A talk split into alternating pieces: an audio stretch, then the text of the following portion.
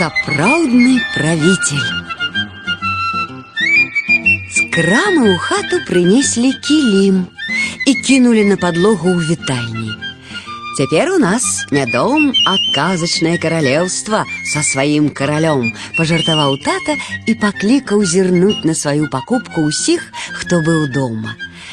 На сінім полі кіліма красаваўся кароль у залатой кароне ды гарнастаевай з пурпурным аксамітам мантыі. Дзеці радасна запляскалі ў ладкі і першымі ўкленчылі, каб лепш разгледзець кілім. Тое ж пасля зрабіў і кожны з дарослых. Ды ніхто не заўважыў няўлоўнай, але важнай змены ў малюнку. Кароль, які на пачатку меў важны і крыху надзьмуты выгляд, павесялеў і нават усміхнуўся. На гэта ў яго былі свае прычыны. Ад першых дзён з'яўлення на свет кароль злаваў на тое, што яго размясцілі на кіліме для падлогі. Мала гэтага прыніжэння, дык яшчэ і паставілі сярод пустога сіняга поля і не далі ні аднаго падданага. Але хвіліну назад тата сказаў пра каралеўства, і ў караля павесялела на душы. Кілім быў прынесены дамоў над вячоркам. Разгледзеўшы яго людзі ў хуткім часе пайшлі спаць. І першая ноч у каралеўстве прайшла надзвычай спакойна. А раніцай, калі па кілімчыку першы раз у спешцы туды-сюды прабегліся не адной парай ног, кароль вырашыў, што пачалася вайна і што сілы закрычаў: Дзяржава ў небяспецы, падданыя, бараніце сваё каралеўства. Ён толькі сабраўся прызначыць галоўнакамандуючым тату, як той сам ступіў на кілім і моцна прыціснуў да падлогі яго вялікасць. Ад абразы караля затрэсла, але ён не ведаў, што рабіць. Людзі не чуюць галасы рэчаў, не пачулі голаса казачнага караля. Яны бегалі, мітусіліся. Пасля раптам дом апусцеў і заціх.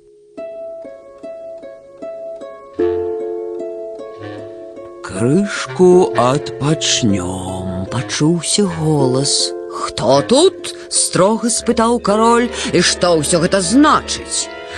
Ваша вялікасць гэта я камода. Дазвольце мне, як старажылу патлумачыць вам сітуацыю. На выхадныя ўсе былі дома, сёння пачаўся працоўны тыдзень. Дарослыя пабеглі на работу дзеці ў школу. Цяпер палову дня мы ўсе будзем адпачываць.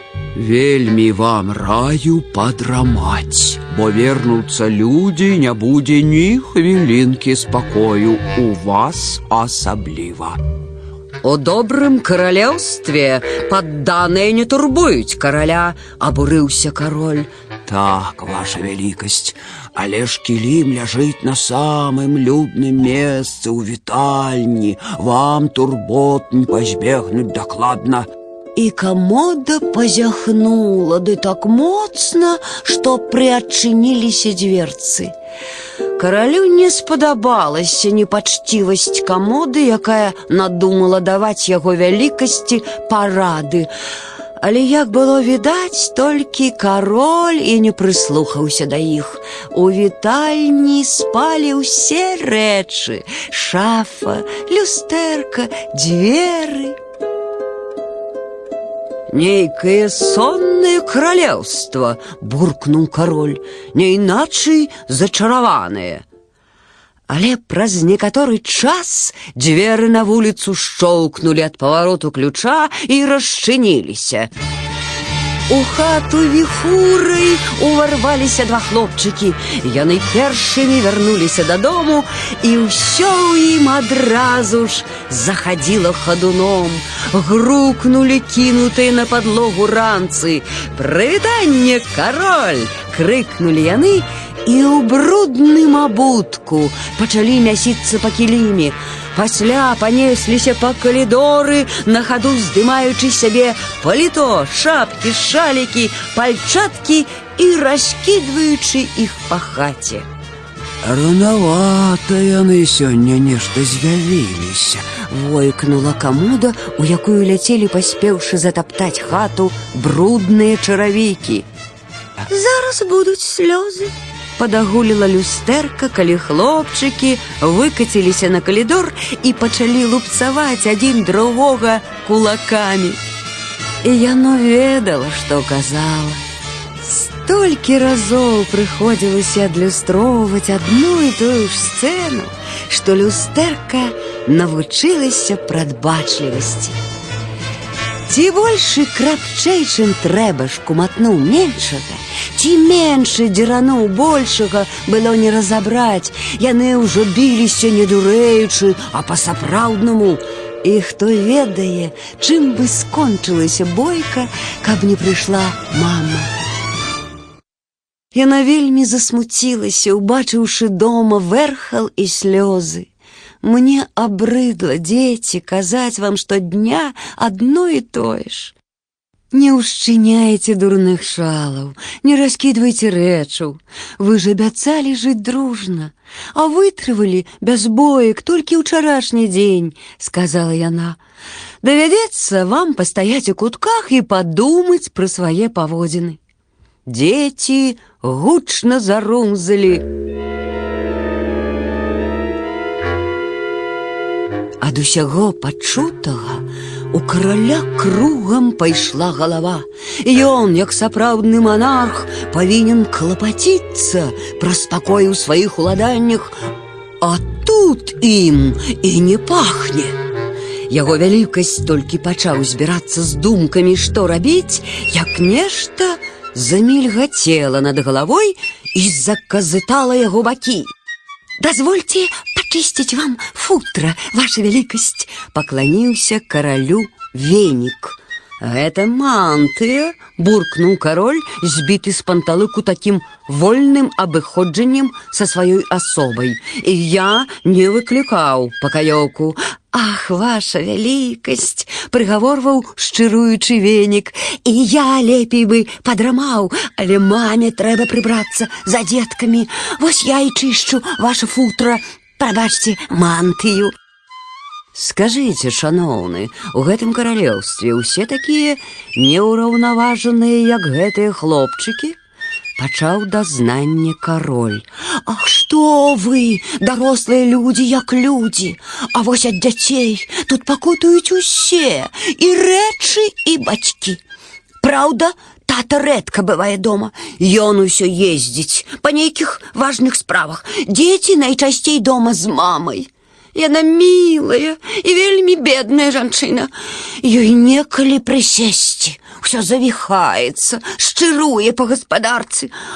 А дзеці не проста памагчы ёй не хочуць, а самі бачылі, што вытвараюць і так кожны дзень, а мама пасля прыбірае. Дык магчыма, ёй падабаецца прыбірацца, заўважыў кароль. Ваша вялікасць, куды больш яна любіць чытаць кнігі, А яшчэ выдатна малюе, толькі ёй некалі гэтым займацца. Яна цэлы дзень на працы, а пасля то есці гатуе, то за сваімі няслухамі парадкі наводзіць. Я чуў аднойчы, як бабуля, прыйшоўшы ў госці, казала, што мама сваё жыццё загубіць празмернай працай по дому. А што мама? Яна заплакала і адказала, што інакш не можа, бо шануе свой дом. Ну, ведаеце, пра гэта і паспрачацца можна, сярдзіта сказаў кароль. Дом шануе, а такіх распуснікаў трымае. Выгнаць іх з каралеўства. Ах, ваша вялікасць, не так усё проста. Дзеці падрастуць, палепшаюць, дасць Бог. Але кароль быў не з тых, хто здаецца, сустрэўшыся з цяжкасцямі. Ён паважаў сваю карону, а сітуацыя вымагала адстойваць яе гонар. Я навяду парадак у гэтым каралеўстве, прашаптаў ён. Позна ўвечары, калі ўсе ў доме заснулі, кароль тройчы пляснуў латкі і закруціўся, завярцеўся на адным месцы. А калі спыніўся, абуджаныя рэчы войкнулі ад здзіўлення. Кароль з кіліма ўжо не ляжаў на падлозе, а хадзіў па вітальні, папраўляючы карону на галаве. Глядзіце, кароль сапраўдны, зашаптала люстэрка. Ён умее чараваць выцягнулася ў струнку перад яго вялікасцю камода. Шафа ж назірала за каралём моўчкі, Ён праставаў да яе, і ў беднай ад страху закруцілася галава. Шафа вырашыла, што кароль пакарае яе за непачцівасць, з якой яна гаварыла з ім днём. Але ён паціху адчыніў дзверцы, дзе на палічцы стаяў абутак і дастаў адтуль чаравікі брацікаў. Пасля ціхенька пракраўся на кухню, загадаў веніку наскрэсці хоць трошкі пылу і выпацкаў ім абутак.